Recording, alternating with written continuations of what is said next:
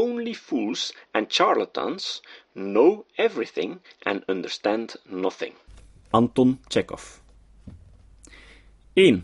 Inleiding 1.1 Proloog In zijn gelauwerde boek Klinische psychodiagnostiek vanuit de discourtheorie wil de Lacaniaan Paul Verhagen ons doen geloven dat Freud als het kind was uit het sprookje dat de naakte keizer aanwees, en daarmee de waarheid reveleerde tegen de heersende schijn in.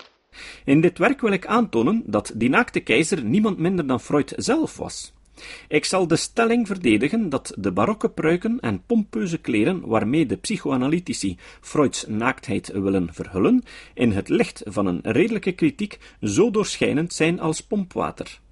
Dit vestimentair bedrog, door de Freudianen zorgvuldig rond de meester gedrapeerd, duid ik aan met de term immunisatiestrategieën, die ik via Karl Popper aan de Duitse filosoof Hans Albert heb ontleend.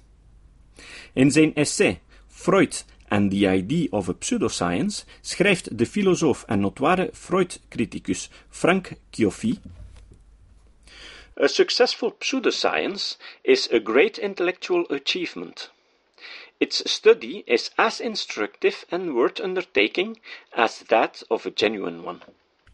Met deze studie wil ik een van de merkwaardige eigenschappen van de psychoanalyse belichten: haar immuniserende karakter die mede haar succes als een van de meest invloedrijke culturele drijfkrachten van de 20e eeuw heeft verzilverd.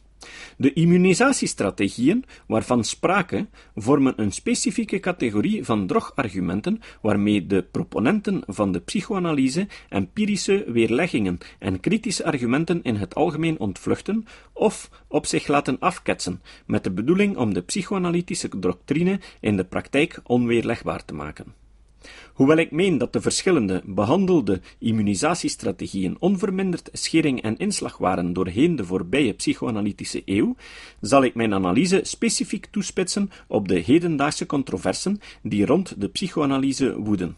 Het materiaal waarmee ik deze immunisatiestrategieën heb geïllustreerd, putte ik voornamelijk uit twee belangrijke bronnen die ik straks in hoofdstuk 2 kort zal schetsen.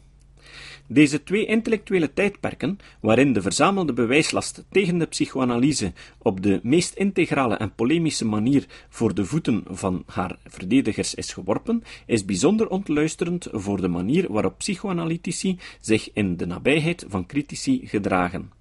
Daar waar mogelijk zal ik ook kort proberen aan te tonen dat ook aartsvader Freud zich aan precies dezelfde immuniserende drogargumenten bezondigde en dat zijn erfgenamen met andere woorden nog niet bijster veel vooruitgang hebben geboekt. Een aantal pertinente vragen dringen zich op.